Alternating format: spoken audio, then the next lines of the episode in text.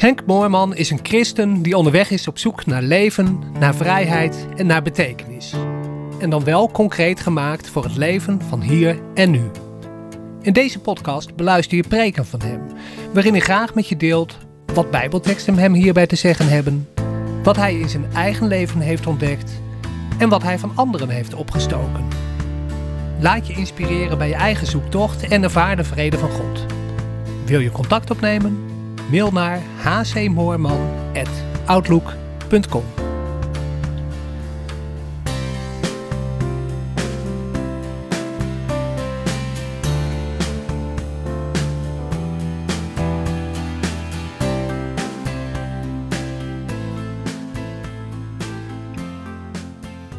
Ik wilde vanmorgen eens kijken naar een verhaal uit Johannes, wat jullie allemaal kennen. De man in Bethesda. Ik lees dat, je zult het op het scherm zien, uh, dat zal de MBG-vertaling zijn. Ik lees het uit de Nadense vertaling. En daarna ook nog eens uit het levende woord. Johannes 5, eerste negen versen. Nadat alles is het feesttij van de Judeërs en klimt Jezus op uh, naar Jeruzalem. Nu is er in Jeruzalem bij de Schaapspoort een bronnenbad, in het Hebreeuws Bethsata geheten, nou wij zijn gewend aan Bethesda, dat vijf zuilengangen heeft. Daarin lag altijd een menigte zieken, blinden, lammen, verdorden. Zij hoopten op de beweging in het water, want een engel van de Heer daalde van tijd tot tijd af in het bad en bracht het water in beroering. Wie dan na de beroering van het water als eerste erin wist af te dalen, werd gezond, door wat voor kwaal hij ook werd vastgehouden. Er is daar iemand, een mens die al 38 jaren zijn ziekte heeft. Jezus ziet hem liggen en als hem ter kennis komt dat hij die ziekte reeds lange tijd heeft, zegt hij tot hem, wil je het, gezond worden? De zieke antwoordt hem, Heer, ik heb geen mens om, wanneer het water wordt beroerd, mij in het bad te werpen. Op het moment dat ik aankom, daalt een ander voor mij af. Jezus zegt tot hem, ontwaak, neem je draagbed op en loop. En meteen werd deze mens gezond, hij neemt zijn draagbed op en hij kan lopen. En in de vertaling van het levende woord, die blijft wat, dicht, wat, wat minder dicht bij de grondtekst, maar het spraakgebruik is wel verfrissend gewoon dichtbij. Daar klinkt het als volgt. Er was in Jeruzalem bij de Schaapspoort een soort vijver met vijf zuilengangen. Bethesda heette het. In die zuilengalerijen lagen talloze ongelukkige mensen. Blinden, lammen, kreupelen. Het volksgeloof wilde dat van tijd tot tijd een engel uit de hemel kwam en het water aanraakte. Wie het eerst in het borrelende water stapte, zou genezen. Er lag ook een man die al 38 jaar invalide was. Toen Jezus hem daar zag liggen, werd het hem duidelijk dat hij al heel lang ziek was.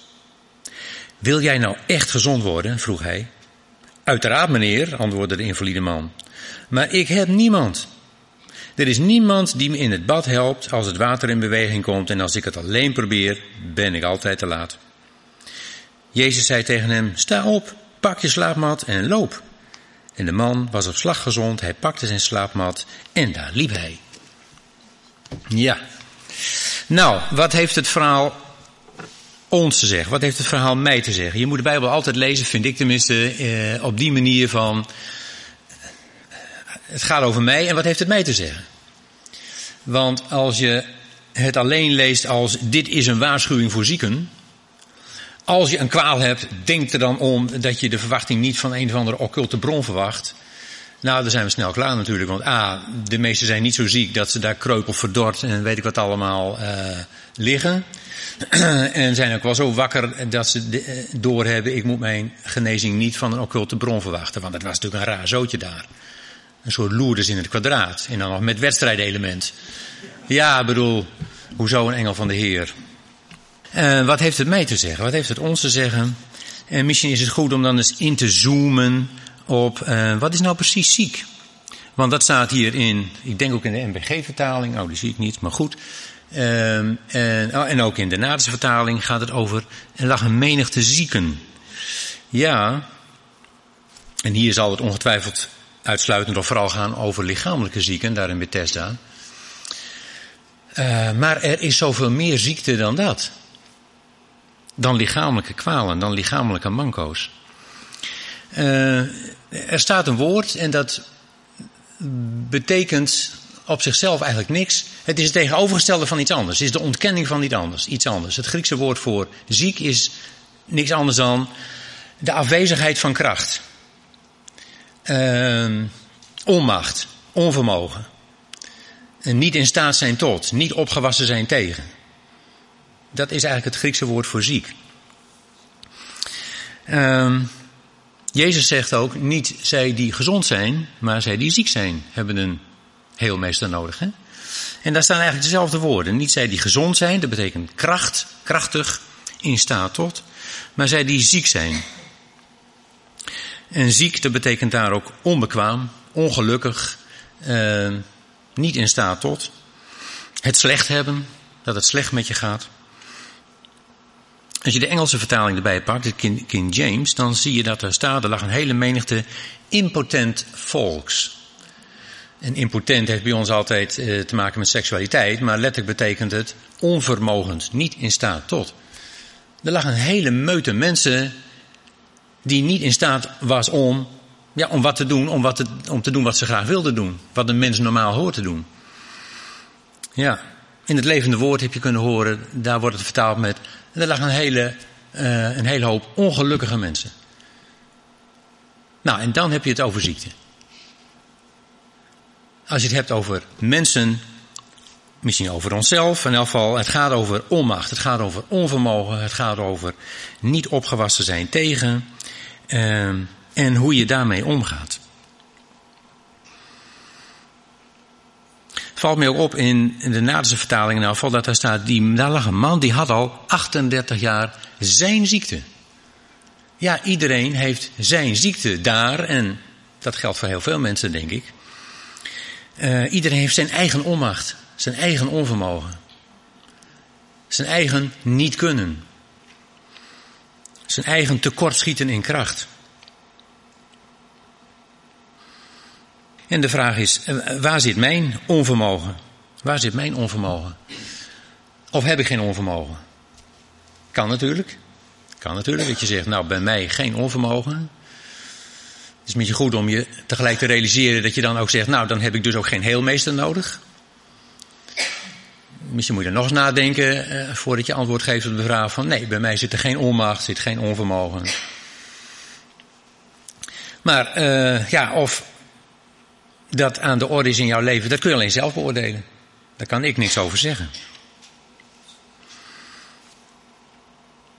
Waar zit mijn onvermogen? Waar zit, zitten de dingen waar ik niet tegen opgewassen ben? En opwassen is groeien, hè? Wassen is groeien, opwassen is opgroeien. Dan gaat het over dingen die in jezelf klein gebleven zijn. Die nooit volgroeid zijn. En dan ben je dus niet opgewassen tegen bepaalde situaties. Tegen bepaalde eh, gevoelens, emoties kun je niet meer omgaan. Niet opgewassen tegen bepaalde mensen. Waarvan je misschien zegt, oh ze zijn zo dominant. Ja, maar het heeft ook vaak, het is altijd een wisselwerking. Het heeft ook vaak te maken met, ik kan daar niet tegenop. Omdat er in mijzelf iets, iets klein gebleven is. Niet volgroeid is. Ja. Waar zit jou, waar zit mijn onmacht? Hij had ook zijn oplossing. Hè? Hij had zijn ziekte, hij had zijn onmacht, hij had ook zijn oplossing. Wat was zijn oplossing? Ik moet proberen de eerste te zijn. Ja, kan een oplossing zijn. En maar bezig, altijd, altijd bezig om de eerste te zijn. De meeste, de sterkste. In wat voor opzicht dan ook, de eerste te zijn. En dan is ook weer de vraag, maar wat is mijn strategie om om te gaan met de dingen waar ik zwak in ben. Die ik niet goed kan. Waar ik onmachtig ben. Wat is mijn oplossing? Wat is mijn strategie?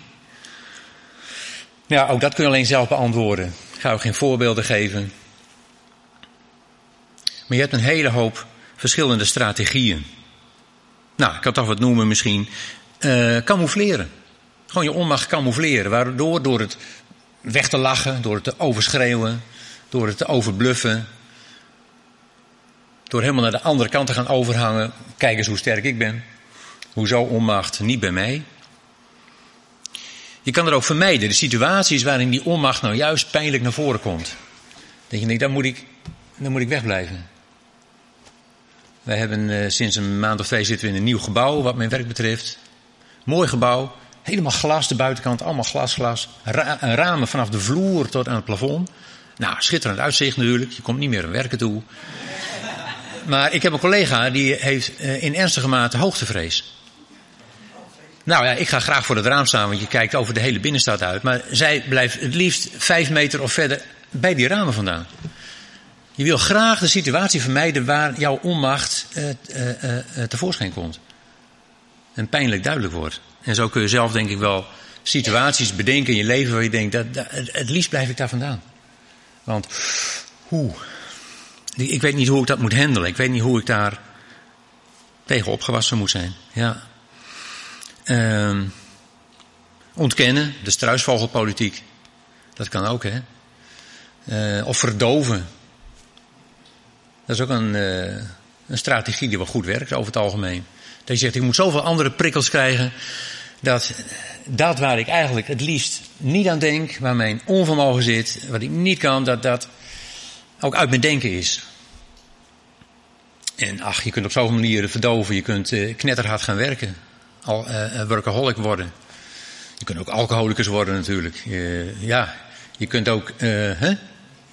Is wel makkelijker. Ja, precies ja. Je kunt ook je bestaan uh, voor een groot deel zeppend op de bank uh, voor de tv doorbrengen. Of je leven vullen met steeds weer de nieuwste elektronische snufjes en, en leuke dingetjes. Of, enfin, er zijn honderden manieren om te verdoven. Om er niet bezig te hoeven zijn met dat waar je liever niet mee bezig bent. Ja, of compenseren. Dat is ook een strategie. Dat je zegt, ja, dat is onmacht. Maar als ik nou aan de andere kant zorg dat ik daar hartstikke sterk en goed in ben. Dan gaat daar de aandacht naar uit. Dat geeft ook een stuk houvast, want daar ben ik er al voor goed in. Dat geeft mij zekerheid. Ja, dat kan. Dat kan en dat zie je ook veel gebeuren. Het kan zelfs zo zijn dat je zegt, ik word, ik, weet je wat ik ga doen? Ik word godsdienstig. Ik ga echt met het evangelie bezig en dan ga ik me in bekwamen, en dan ga ik in groeien en dan gaat het steeds sterker in worden. En dat is mijn strategie om met mijn onmacht en mijn onvermogen om te gaan.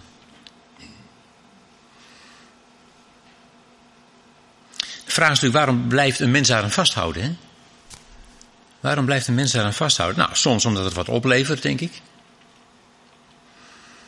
Het kan een stuk identiteit geworden zijn. Ik heb mensen meegemaakt en ik ken ook nog mensen die, voor wie het een, een identiteit is geworden. Die voor zichzelf besloten hebben, uh, nee, ik kan dat niet. Ik wil dat ook eigenlijk niet kunnen. Waarom niet? Omdat ik dan uh, een legitimatie heb om het echte leven niet aan te gaan. Ik heb eens iemand gezien die kwam binnen in een scootmobiel. Zwaar invalide. Uh, allemaal kokers zaten erop en er zaten staken weer stokken uit als een soort antennes. Uh, overal braces om armen en benen. Die ze ook graag laten zien. En de artsen zeiden met deze mevrouw is helemaal niks aan de hand. Medisch objectief gezien is er niks mis met die mevrouw. Maar die had zich helemaal vastgeklemd aan ik ben onmachtig. En dat was haar identiteit geworden en daar moest je ook niet aankomen. Want dat was bedreigend namelijk. Kan ook aandacht uh, opleveren, hè? Oh, ik ben zo zwak. Oh, ik ben zo ziek. Ach, zeg anderen, wat sneu. Joh, kunnen wij wat voor je doen? Kunnen we je helpen? En ik ken iemand waar anderen op die manier uh, uh, van alles en nog wat doen. Klussen, de boodschappen, noem het maar op. Want ja, het is zo zielig, het is zo sneu. Ja. Soms levert het wat op, soms ook niet, maar blijf je er toch aan vasthouden, denk ik. Ja, waarom? Omdat je nou eenmaal in die groef zit. Misschien al wel 38 jaar lang. Zo ben je op een gegeven moment geprogrammeerd, onbewust. En je hebt er ook een beetje draaglijk gemaakt. Matrasje erbij. Oké, okay, als je dan toch moet liggen, maak het dan een beetje comfortabel. Ja, en zo is het. Het is niet ideaal, maar er valt mee te leven op die manier. Ja. En dan komt Jezus. En dan komt de vraag: wil je gezond worden? Ja, op zich denk ik, nou, sorry heer, domme vraag. Daar is een meute zieke mensen. Ga nou vanmiddag naar een ziekenhuis, loop een zaal binnen en zeg: uh, jongens, willen jullie wel gezond worden? Nou, dan hebben ze toch ook zoiets van: uh, hoe kom je bij die vraag? Ja. Dus hij heeft net iets anders gevraagd, denk ik. Natuurlijk wilden die mensen gezond worden, nogal wie dus. Hij heeft net iets anders gevraagd. Dat vind je ook een beetje terug uh, hier in, in de Nadense. Die zegt, uh, wil je dat? Gezond worden. En het levende woord zei van, wil je, dat nou, wil je nou echt gezond worden? Ja. En daar zit al iets in van, uh, gaat het misschien om iets anders dan alleen van je lichamelijke kwaal af te komen? Die Engelszelfde Engelse vertaling die zegt, uh, heeft het over whole. Wilt thou be made whole? Wil je heel gemaakt worden? Ja. Wil je heel gemaakt worden? Compleet.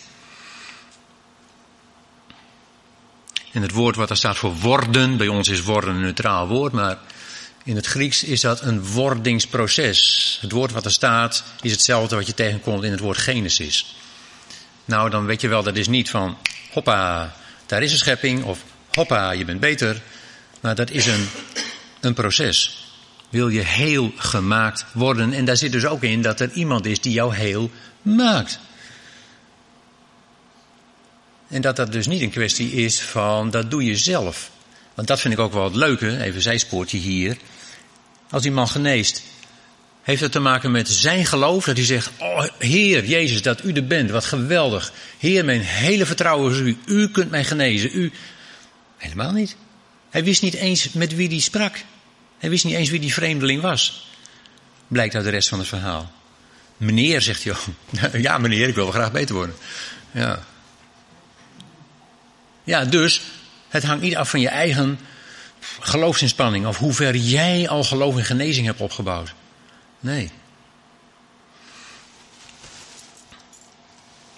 Wil je heel gemaakt worden? Ja, en wat antwoordt die man? Ik heb geen mens.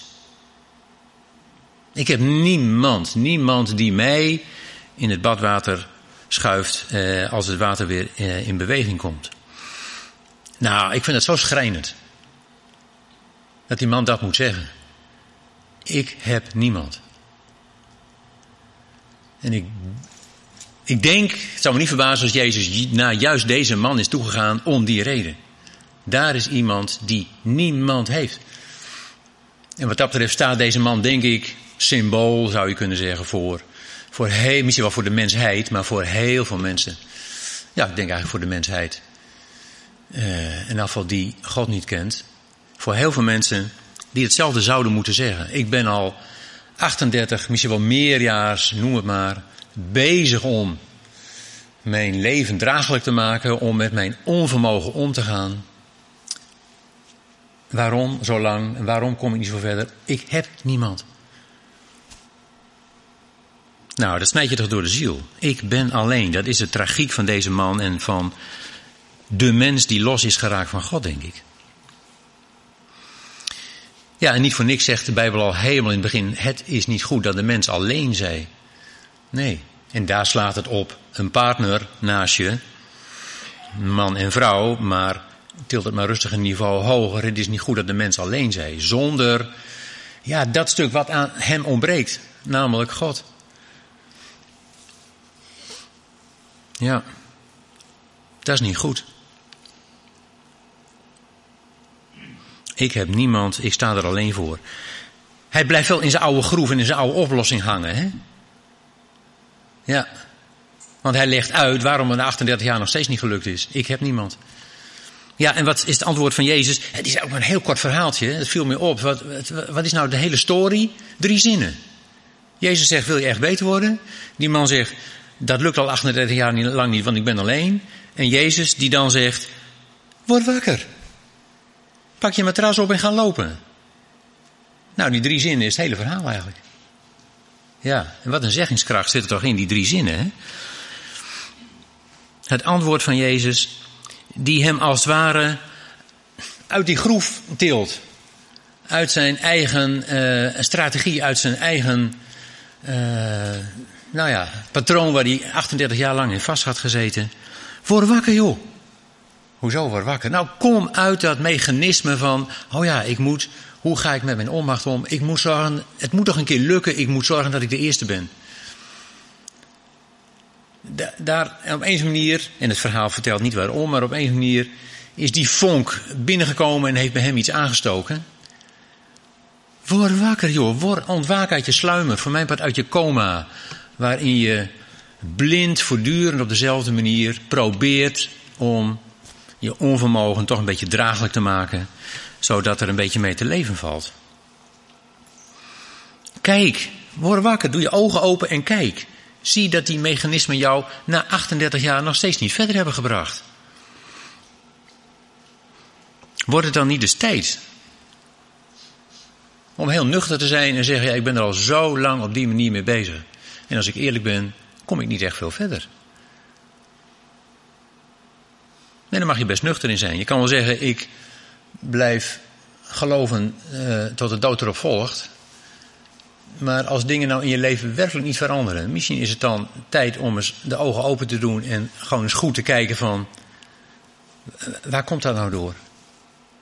En misschien is het goed om te doen wat Jezus zegt. Kijk, kijk niet alleen naar jouw mechanisme waar je vast in bent gelopen, maar kijk ook naar. Kijk, er staat iemand. Er is eindelijk iemand. Iemand die naar jou vraagt, die naar jou omziet. Eindelijk heb je een mens. En Jezus staat daar, wat mij betreft, als mens Gods, als vertegenwoordiger van de Vader. Die die man uitnodigt om wakker te worden. Uh, en om te gaan zien dat er iemand is die naar hem vraagt, die hem ziet. Eindelijk iemand die hem ziet. Je zult 38 jaar in een meute mensen liggen en dan nog moeten zeggen: ben alleen, er is niemand. En dan wakker worden en zien: er is iemand die mij ziet, er is iemand die mij graag ziet. Er is iemand die een hoop in mij ziet, er is iemand die geloof in mij heeft. Er is ook iemand die zegt: Vertrouw je aan mij toe. Joop, ik zie jouw probleem. Ik zie jouw probleem en daar gaan we mee aan het werk. Ik ga jou heel maken. Ik ga jou heel maken. En dat is veel meer dan dat je van je kwaal afkomt. Dat is veel meer dan dat je van je onvermogen alleen afkomt. Dat is dat je compleet mens wordt naar jouw aard. En omdat je dan met God verbonden bent, is het naar zijn aard. Want je stamt van hem af. Hè? Dus die aarden, is het het meervoud, die stemmen overeen. Ja. Nou, we hebben het gezongen, hè? Ik vertrouw op u, ik vertrouw op u. En ik denk dat dat het, de wake-up call is, zeg maar, van Jezus. Het, de oproep om wakker te worden. Om los te laten datgene, ja, wat toch niet heeft gewerkt. Nooit meer alleen.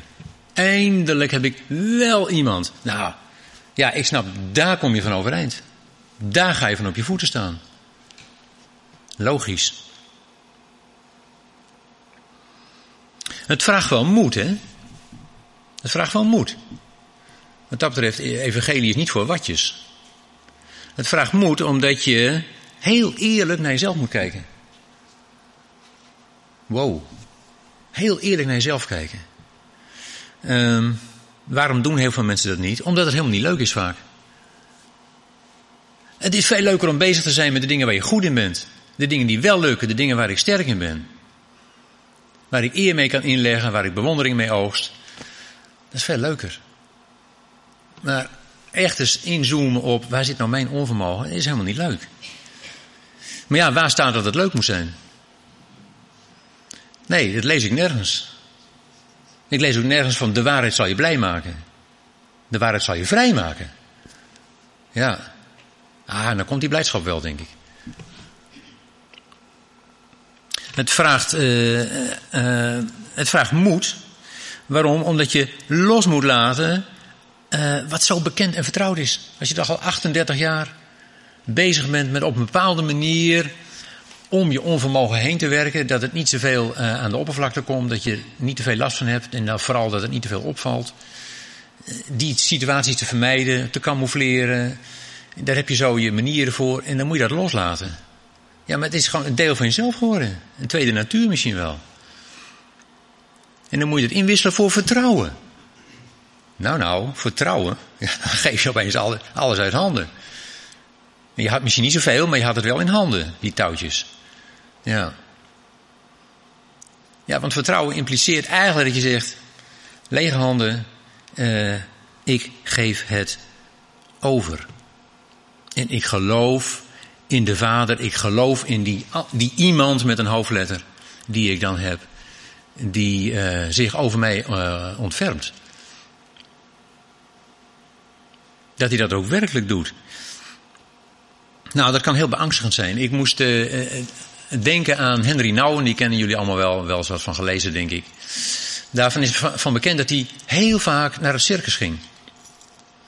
Waarom? En niet voor de leeuwen en de tijgers en de weet ik wat, maar voor de trapezewerkers. Dat vond hij zo fascinerend. Hij was haast door geobsedeerd om te zien, voor je ogen te zien, wat vertrouwen is.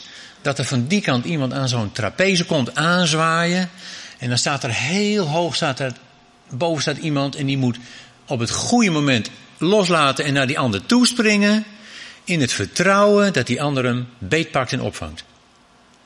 Nou, een duidelijk voorbeeld van vertrouwen, van toevertrouwen kun je eigenlijk niet bedenken. Dus hij ging keer op keer op keer naar die trapezewerkers kijken. Ja. Nou, is dat eng? Maar dat kan best eng zijn. Ja. Ja. En dat kan dus ook alleen maar, dat waag je alleen maar, denk ik, als je, nou waar heel het over had, als je een beeld hebt van de Vader als iemand die jou inderdaad altijd opvangt wat er ook gebeurt. Waar je altijd goed terechtkomt. Die onder je is, die voor je is, die achter je is, de alfa en de omega, die, nou, dat zijn nog een aantal andere preken. Um, maar van wie je op aan kunt, onder wat voor omstandigheden dan ook. Wat jouw onvermogen dan ook is. Want dat is voor God helemaal niet interessant wat mijn onmacht is en mijn onvermogen. Dat is voor hem namelijk geen enkel probleem. Hij gaat mij heel maken. En dan is het evangelie dus ook niet een nieuwe strategie. Een nieuwe manier om uh, het hoofd te bieden aan mijn onmacht. Dat kan hoor. Er zijn mensen die zo met het evangelie in de weer zijn. Uh, maar dat, is niet de bedoeling van God. God heeft zijn zoon gezonden, opdat naast iedereen die moest zeggen: Ik heb niemand, eindelijk weer iemand zou staan. Om, opdat wij ons met Hem zouden verbinden. Want Hij doet het graag. Want dat wij ons met Hem zouden verbinden. Verbondenheid.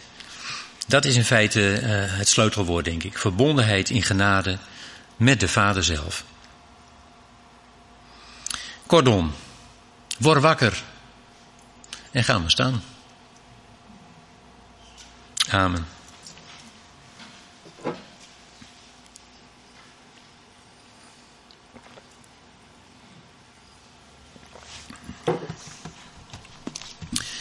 Goed, zullen we bidden?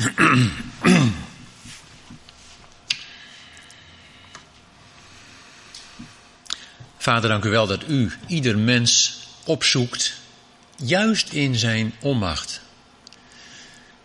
Uh, en dat u juist diegene opzoekt die moet zeggen, eigenlijk, als ik eerlijk ben, heb ik niemand. In dat onderdeel van mijn leven. Eigenlijk top ik daar, als ik eerlijk ben, altijd alleen mee.